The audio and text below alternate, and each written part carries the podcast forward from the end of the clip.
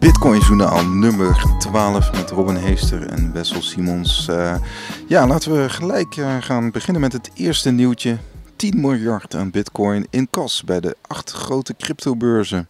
Dus ongeveer uh, 7% van de bestaande Bitcoin, dat is ongeveer 18 miljoen in totaal, is er nu aan het circuleren. staat op de balans bij, bij acht cryptobeurzen. Dus je kunt zeggen dat ja, een deel van de supply in toenemende mate zeg maar, steeds bij de, bij de beurs terechtkomt, uh, Robin? Uh, ja, volgens de data van Token Analyst. Is een leuk account om te volgen op Twitter. Uh, ja, uh, hebben steeds meer beurzen, steeds meer geld. Steeds meer bitcoin eigenlijk voornamelijk. In de grafiek is duidelijk te zien vanaf maart 2017 ging het nog om 0,2 miljoen bitcoin. En we zitten nu dus ruim boven de miljoen, bijna 1,2 miljoen bitcoin die bij de grootste acht cryptobeurzen worden gestald. En dan moet je denken aan uh, Polynex, Kraken, Bitstamp, Bittrex, Bitfinex, Bitmax. Originele namen allemaal. Binance, Huobi. Ja, dat zijn de grote uh, namen. En die hebben allemaal een flink stapeltje bitcoin van hun klanten en handelaren uh, in kas. En ja, dat zorgt eigenlijk voor discussie van hoe is dat belangrijk voor bitcoin? Natuurlijk is, er, is het systeem erbij gebaat of het ecosysteem erbij gebaat als uh, Bitcoin een beetje goed verdeeld is over alle adressen, over verschillende mensen over heel de wereld. Uh, maar tegelijkertijd, eh, die exchanges met veel Bitcoin, die hebben geen stemrecht op het netwerk extra of zo. Dat is niet aan de orde. Dus er is op de, in de, binnen de markt is er eigenlijk wel een, een te grote hoeveelheid wat bij die beurzen terechtkomt. En dan kom je bij de volgende vraag. Blijkbaar vinden mensen het toch niet zo heel relevant om eigen bank te spelen. Mensen laten toch graag op een centrale partij hun bitcoin staan. Ja. ja, het is gewoon toch nog steeds ingewikkeld om op, het, een, op een hardware wallet te zetten, je seeds eh, goed te bewaren in een kluis, et cetera. Ja, moeilijk weet ik niet precies. Maar ik kan me voorstellen als je echt een handelaar bent, dat je het liquide, zo liquide mogelijk wil hebben. En dan als je het van je hardware wallet af wil halen en naar een exchange wil sturen, dan ben je gewoon even bezig. Dus op dat, voor handelaren is het logisch dat ze het een deel liquide houden op een uh, cryptobeurs. Maar je hoort ook best wel vaak, zeker bij mensen die net beginnen, dat ze gewoon hun geld bij, uh, bij een beurs hebben staan. Van oh, dan is het toch ook veilig. En dat is niet aan de orde natuurlijk. Ja. Maar het is niet zo dat, uh, hè, dat kan een verkeerde interpretatie zijn, dat, dat, dat men gaat denken van, oh, 7% van bitcoin is in handen van andere partijen, dan komt de veiligheid in het geding. Nee, dat is gelukkig een hele andere kwestie. Dat wordt dat is door Bitcoin goed uh, opgelost door proof of work. De miners en de nodes op het netwerk die bepalen de regeltjes. Iedereen elke node bepaalt zijn eigen regeltje en de miner die verwerkt het, uh, de transacties, even kort gezegd. Dus de adressen waar de Bitcoin op staat is niet zo heel relevant voor dat gedeelte van het ecosysteem. Maar voor de handel is het natuurlijk wel belangrijk dat het goed verspreid is. Want in, uh, toen MT Gox kapot ging, wat was dat, 2012 uit mijn hoofd, 2014? 12 denk ik. Uh, toen was dat de grootste Bitcoin-markt. En dat zorgde echt voor een gigantische crash op dat moment. En nu wordt het, ondanks dat, het, dat er veel beurzen zijn met veel Bitcoin, wordt het wel steeds beter verdeeld, ook op dat gebied. Als een van die grote beurzen, om wat voor reden dan ook, het, het verpest en het uh, gaat uh, belly up, dan uh, is er voor de markt minder aan de hand dan als het centraal allemaal geregeld is. Ja, onder andere Trace Meyer heeft natuurlijk in januari altijd zo'n evenement van uh, Proof of Keys. Hè? Uh, proof of Work, Proof of Keys. En um, nou ja, dus er zijn binnen de Bitcoin community zeg maar wel, wel initiatieven om, om juist dat, dat het bezit van je eigen private keys, om dat uh, ja, te bevorderen. Ja, ik denk dat iedereen, uh, althans iedereen, laat ik voor mezelf spreken, ik promoot dat ook zeker. Want dat, dat is een van de kernwaarden van Bitcoin, dat je zelf kunt bepalen wat er met je geld gebeurt. En een van die stappen is dat je het zelf in beheer neemt.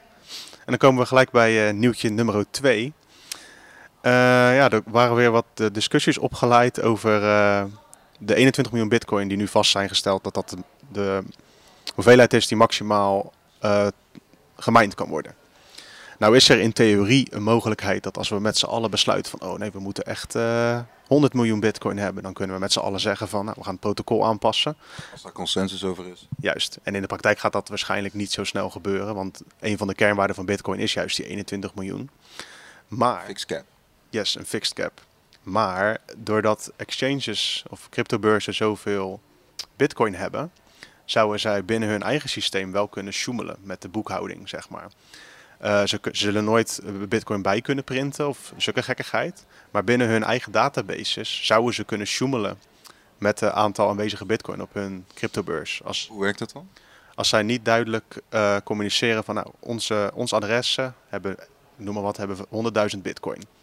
Als je dan de bitcoin ruilparen allemaal bij elkaar optelt op die beurs en het blijkt dat het bijvoorbeeld gaat om 105 miljoen, dan hebben ze, of 105.000, dan hebben ze 5000 bitcoin binnen hun eigen systeem um, erbij gedrukt, dus aanhalingstekens niet op het netwerk, maar binnen hun eigen database.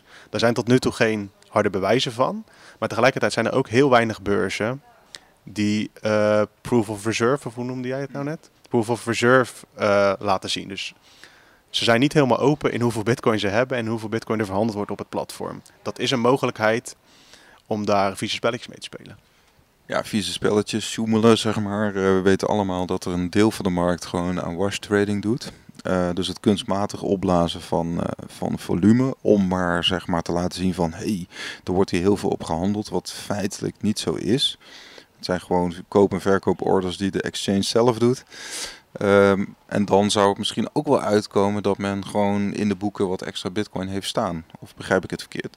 Ja, zeker. Ik denk dat dat ook een van de dingen is die zou kunnen gebeuren. De vraag is of dat gebeurt. Dat is, ja, het is nog niet bewezen. Maar het is iets om uh, rekening mee te houden in, je, in de manier hoe je naar de cryptomarkt en zeker ook de crypto-ruilbeurzen kijkt. En dat is dan eigenlijk een kopie van ons huidige financiële systeem, waarbij we ook die quantitative easing hebben, waarbij gewoon continu geld bijgedrukt wordt om het huidige systeem in de lucht te houden. En dat zou eigenlijk door die exchanges weer een soort van gekopieerd worden. Zolang die bitcoin, die bitcoin die dan dus niet bestaat, op die beurs zelf blijft, dan zou dat kunnen gebeuren inderdaad. Kijk, het is niet zo dat je die bitcoin die nep is, op het netwerk van bitcoin terecht kan laten komen. Dat bestaat niet. Dus het is puur uh, dat is wel een verschilletje met ons huidige monetaire systeem. Dat geld wordt natuurlijk allemaal in de echte economie ook, uh, komt allemaal in de echte economie terecht.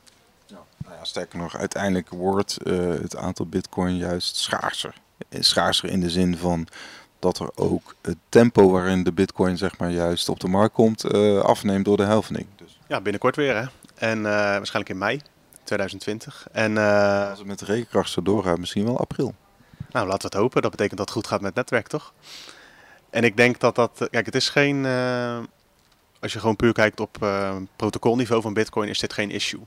Maar voor de markt zelf is het wel belangrijk om daar eens over na te gaan denken met z'n allen van hoe kunnen we zorgen dat dit absoluut niet voorkomt. Zeg maar het, gewoon het, uh, het spreekwoord don't trust verify geldt voor Bitcoin, maar eigenlijk ook voor alle cryptobeurzen. We moeten eigenlijk naar een systeempje toe waarin we dat beter kunnen gaan beoordelen met z'n allen. Ja, Blockstream eh, noemt dat proof of reserve, waarbij je zeg maar eigenlijk aantoont wat, wat, voor, wat je aan Bitcoin-adressen hebt, zeg maar, in je hot wallet en in je cold wallet. Ja, lijkt me een mooi initiatief en ik ben benieuwd hoe dat uitpakt. Ik kan me voorstellen dat er maar weinig beurzen zijn die daar nu op dit moment happig op zijn. Totdat een van de grote jongens zoiets heeft van ik ga het wel doen. En dan moet de rest volgen om te laten zien van oh wij zijn ook, wij kloppen ook, wij zijn ook legit. Ja. Nou ja, goed, als je de markt analyseert, dan, dan, dan voel je enigszins aan je, aan je, aan je, aan je water aan dat, dat er toch nog een schoonmaak aankomt. Hè? Dus je ziet toch dat een aantal exchanges gaan bepaalde munten delisten. Je ziet dat een aantal projecten stil liggen. Dus er komt toch echt wel een shake-out aan de komende jaren. Ja, sowieso. En ik denk dat dat zowel op cryptobeursgebied als andere tokens natuurlijk sowieso aan de hand is. Maar zeker als jij als cryptobeurs uh, gebaat bent bij die altcoin handel, ja, dan heb je op dit moment gewoon een probleem. Ja, ja. Nou, ik vind het wel interessant, hè, want wij schrijven regelmatig over het Bitcoin-netwerk. Maar je hebt daarnaast natuurlijk ook de financiële wereld die op de asset Bitcoin springt. En uh, nou, komen we bij nieuwtje 3. Dat is zeg maar het verhandelen van opties uh, op de Bitcoin uh, blockchain. was een experiment, heel interessant, van een Londense start-up. Uh, ze ging gewoon een, een, een optie kopen, een, een um, Standard Poor's indexoptie. Um, hebben eigenlijk heel dat proces zeg maar, gesimuleerd, maar dan op de, op de Bitcoin blockchain. En nou ja, goed, de uitkomst is dat, dat het dus verhandelbaar is. Hè? je hebt een, een verkoper en een koper van de future, of in dit geval van de optie. En die wordt netjes gesetteld. Uh, en de hele settlement dat vond plaats door middel van een smart contract op de Bitcoin blockchain. Dan zou je, dan zou je zeggen, oké, smart contract, dan moet ik gelijk aan Ethereum denken. Maar in dit geval is gekozen voor Bitcoin, omdat dat toch het meest uh, veilige netwerk is op dit moment. Um, dus opmerkelijk. Ja, dat is, ik denk dat dit ook een toepassing is die, als het goed uitgebouwd wordt, heel interessant is. Want met Bitcoin heb je een liquide netwerk van over heel de wereld, waarmee je dan in dit geval uh, opties kunt kopen en verkopen. Uh, op dit moment zijn natuurlijk opties en de optie verkoop en aankoop allemaal heel erg gereguleerd. Sowieso, want opties zijn nou eenmaal gereguleerde financiële producten. Maar als je daar op de, daaronder zeg maar, de liquiditeit van Bitcoin kunt stoppen, dan kan het heel interessant zijn voor bepaalde markten. Al is het alleen maar omdat het 24-7 open is. Ja, plus dat, dat zeg maar de settlement gaat een stuk sneller. Hè? Dus normaal uh, heb je, zeg maar, als je naar Wall Street... Wall Street heb je heel veel firmaatjes die er zeg maar, als tussenpersoon tussen zitten. Tussen degene die uiteindelijk de optie koopt en verkoopt zitten allemaal personen. Tussenpersonen. En die vragen fees, uh, die vragen tijd om zeg maar, die optie te settelen. En dus in plaats van twee werkdagen normaal, uh, was het nu zeg maar binnen drie kwartier geregeld. En dat zijn natuurlijk wel voordelen het, het, het, de grote uitdaging is natuurlijk om het op te schalen. En in de, op, de, op de huidige basislaag van, van, van Bitcoin lukt dat gewoon niet. de volumes uh, die zijn uh, een paar duizend miljard dollar per dag qua, qua opties. En dan hebben we het alleen over de Standard Poor's index opties. Dus dat is nog gewoon onhaalbaar. Ja, de, de dagwaarde van de Bitcoin waar het nu om ging was ook 217 dollar om even in perspectief te zetten hoe klein uh, dingetje het was. Maar het was meer een proof of concept om te bewijzen dat het kan. En dan is het nu aan de techies en de mensen met uh, leuke inzichten om daaromheen te bouwen. Want het is wel een interessante markt natuurlijk als jij dat soort financiële producten kunt kopen met bitcoin. Ik denk dat dat een, uh, voor bepaalde mensen werelden gaat openen. En tegelijkertijd voor heel veel bestaande partijen wordt dat uh, kiele kiele. Want waarom zou je, als in theorie dit kan gebouwd worden op Bitcoin, dan wel op het Lightning Network, dan wel op een ander netwerk bovenop Bitcoin. Waarom zou je dan het ouderwetse systeem nog gebruiken? Ja. Uh, een van de bezwaren kan natuurlijk zijn dat, dat alles uh, zichtbaar is. Ja, true. Dat is, uh, dat is, is dat bij die andere markten is dat niet wettelijk bepaald? Nee, nee, volgens mij kun je bepaalde processen binnen zo'n zo'n verkoop en aankoop is, is gewoon ja, nog niet transparant, zeg maar. Okay. Ik bedoel, ze, ze, laten niet zien wat hun fees zijn. Nee, precies. Er zit nog wel het een en het ander aan, uh, ja, hoe noem je dat? Verborgen weetjes, dat kan je daar wel vinden, gok ik. Ja, alle, alle verdienmodelletjes van al die tussenpersonen, die, die weten we gewoon niet. Nee, maar dat is als handelaar alleen maar mooi, dat je die niet meer hebt. Toch? Dus op Kijk, het is, dus voor duidelijkheid. Plat. Ja, voor duidelijkheid, het is echt een uitprobeerstukje gewoon om te laten zien dat het kan. Er zijn waarschijnlijk veel makkelijkere manieren en op dit moment veel gebruiksvriendelijke manieren om opties te kopen. Laten we dat wel voorop stellen. Maar ik vind het leuk dat zulke soort dingen uh, uitgeprobeerd worden en dat het dus blijkbaar kan. Ja. ja, het doet me heel even kort een zijspoortje naar uh, dat. Je had ook een goud future hadden we deze week en die wordt dan gesetteld in Bitcoin. Dat is ook wel grappig. Normaal pra praten we heel veel Bitcoin futures, Bitcoin opties, maar je hebt dus ook een goud future.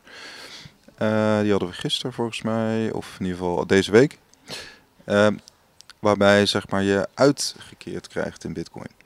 En dus je kunt speculeren op de goudprijs. Uh, heb je het goed gegokt, bewijs van tussen haakjes, dan krijg je uitgekeerd in bitcoin. Oeh, noem het geen gokken, hè? dan uh, worden bepaalde mensen boos. Nee, maar ik, ik vind dat ook, dat is wederom zo'n dingetje dat ik denk van, nou, blijkbaar zijn er dus mensen die op goud willen speculeren en dan willen ze geen winst maken in euro's, dollars of andere currencies, maar gewoon in keiharde bitcoin. En ik vind dat uh, ja, wederom een geinig leuk ontwikkelingetje. Nou is dat wederom op kleine schaal, dus we moeten afwachten hoe dat precies allemaal gaat. Maar dit zijn allemaal van die uitprobeerseltjes. Als, als dit werkt en we kunnen dat opschalen, dan is het super interessant voor zowel Bitcoin, Bitcoiners, want je hebt meer mogelijkheden met, binnen het ecosysteem. En voor andere mensen die merken dat het goedkoper is om op deze manier dingen te regelen. Ik vind het super interessant. Ja, je hebt natuurlijk ook lending en borrowing services al met Bitcoin. Dat jij gewoon rente krijgt op uh, Bitcoin als je het uh, bepaalde periode vastzet. Ja, dat heb je zeker. Ik uh, doe daar niet aan mee. Ik hou mijn bitcointjes graag zelf in beheer. Maar ja, als je er niks mee doet en je hebt zoiets van, nou, ik vertrouw dit protocolletje of ik vertrouw deze partij wel met het uitlenen van, je, van mijn bitcoin. Nou, doe je ding, maar het is niet voor mij. Um, ja, nog even een paar, paar andere nieuwtjes die toch wel daar um, een relatie mee hebben. Um, nou, de, de, Amerikaanse toezichthouder SEC, dus eigenlijk de Amerikaanse AFM, hè, dus die, die, die kijkt, die, het doel is om consumenten te beschermen, zeg maar, op de financiële markten. Dat doet de SEC. En dan heb je in Amerika ook de CFTC en die kijkt naar de commodity markten. Dus is echt meer gericht op de professionele uh, handelaren, hè, commodities en futures, opties.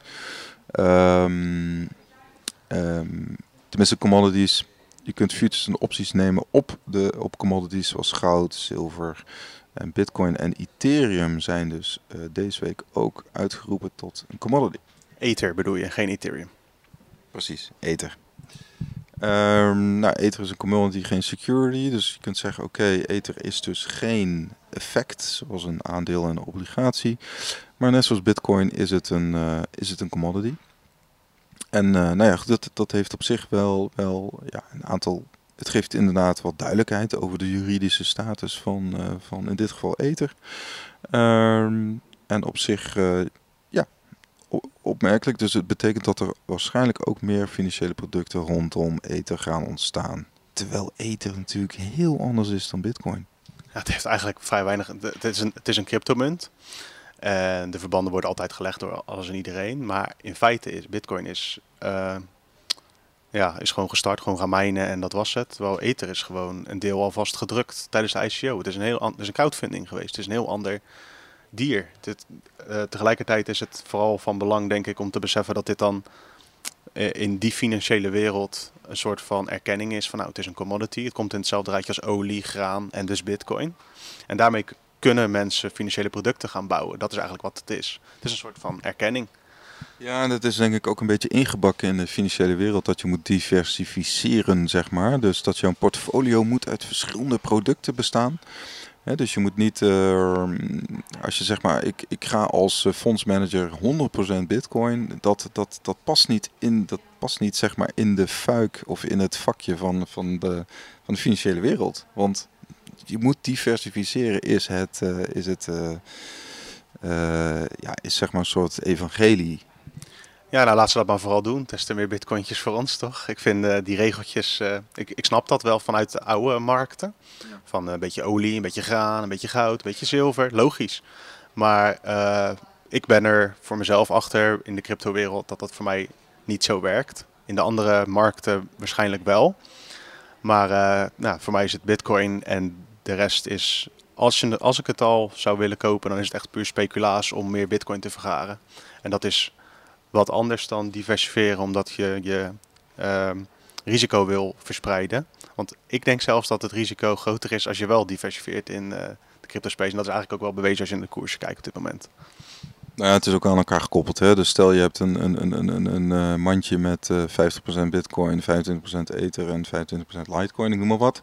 Dan op het moment dat ether en litecoin gaan, gaan stijgen, is de kans groot dat bitcoin inlevert en andersom.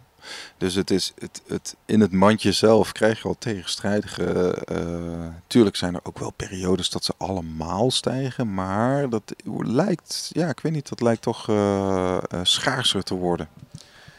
Ja, dus. Um, ja, ik vind het vooral gewoon interessant dat er nu dus op politiek niveau, echt op allerhoogste niveau, in dit geval in Amerika, regeltjes en duidelijkheden worden verschaft in, het, in de bestaande regelgeving over Bitcoin en, en ook Ether. En wat ik eigenlijk ook merk is dat het, de regeltjes die passen toch niet helemaal bij Bitcoin als cryptomunt, zeg maar. Want het is geen olie of goud. Het is wel iets anders. Het is, ja, ze willen het blijkbaar geen geld noemen, geen valuta. Maar het is eigenlijk ook geen commodity, want er zit wel wat, ja, er uh, er wordt eigenlijk een nieuwe categorie voor gemaakt te worden. En ik kan me voorstellen dat mensen daar ook best wel mee bezig zijn. Maar dat gaat nog jaren duren. En tegen die tijd is Bitcoin weer een heel ander dier dan dat het nu is. Ja, we zijn eraan gewend om dingetjes in hokjes te plaatsen. Uh, het wordt niet gezien als geld, uh, maar blijkbaar als een soort goed of als een soort commodity.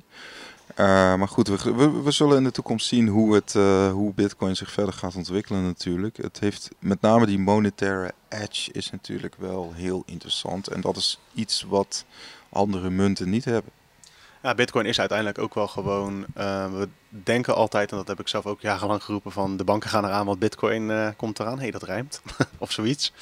Maar eigenlijk wat er gebeurt is dat je een soort van de consensus, zeg maar de politiek, wordt eigenlijk een soort van buitenspel gezet in plaats van geld. Want de politiek is uiteindelijk degene die bepalen wanneer het geld gedrukt wordt en waar het voor gebruikt wordt. Om de staatsschuld te spekken of obligaties te kopen, et cetera. Dus er is daar een soort van, voor mij persoonlijk een shift aan de gang. Dat ik denk van, ah, misschien is het meer dat er een hele politieke schil weg wordt gehaald door bitcoin dan een bank. Want ik kan me voorstellen als bitcoin echt uh, gigantisch veel waard wordt, dat niet iedereen zijn trezortje of zijn andere hardware wallet uh, zelf in beheer wil nemen. Ik kan me voorstellen dat als, als jij uh, bitcoin hebt de waarde van, weet ik veel, 10 miljoen in totaal dan kan ik me voorstellen dat je zou zeggen van nou, ik wil dat niet onder mijn kussen op mijn 24 wortjes uh, opslaan, maar gewoon bij een custodial bij een bank. Dus ik, ik ben aan het shiften eigenlijk van uh, dat uh, vooral, het is eigenlijk vooral een politiek ding aan het worden in plaats van fuck de bankers. Dus het gaat in die zin meer over de centrale banken, niet over de commerciële banken. Yes, dat is voor mij wel een, een eye-openertje geweest toen de tijd dat ik dacht van hé, hey, volgens mij zit het zo. Dat vind ik leuk. Dus eigenlijk de dienstverlening van een commerciële bank die gaat, uh, gaat zich gewoon aanpassen aan de tijd. Hè. Of het nou uh, olie, goud of bitcoin is, dat maakt uiteindelijk niet uit. Ze kunnen de clearing doen, ze kunnen de custody doen, ze kunnen...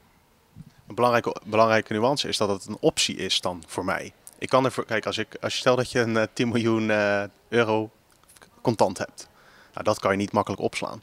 Maar een USB-stickje met 10 miljoen aan bitcoin, dat is een keuze om het dan veilig zelf op te slaan. Maar je hebt dan je kan ervoor kiezen om het iemand anders te laten doen. En nu is het andersom. Je kan er niet voor kiezen om 10 miljoen in je huis op te slaan.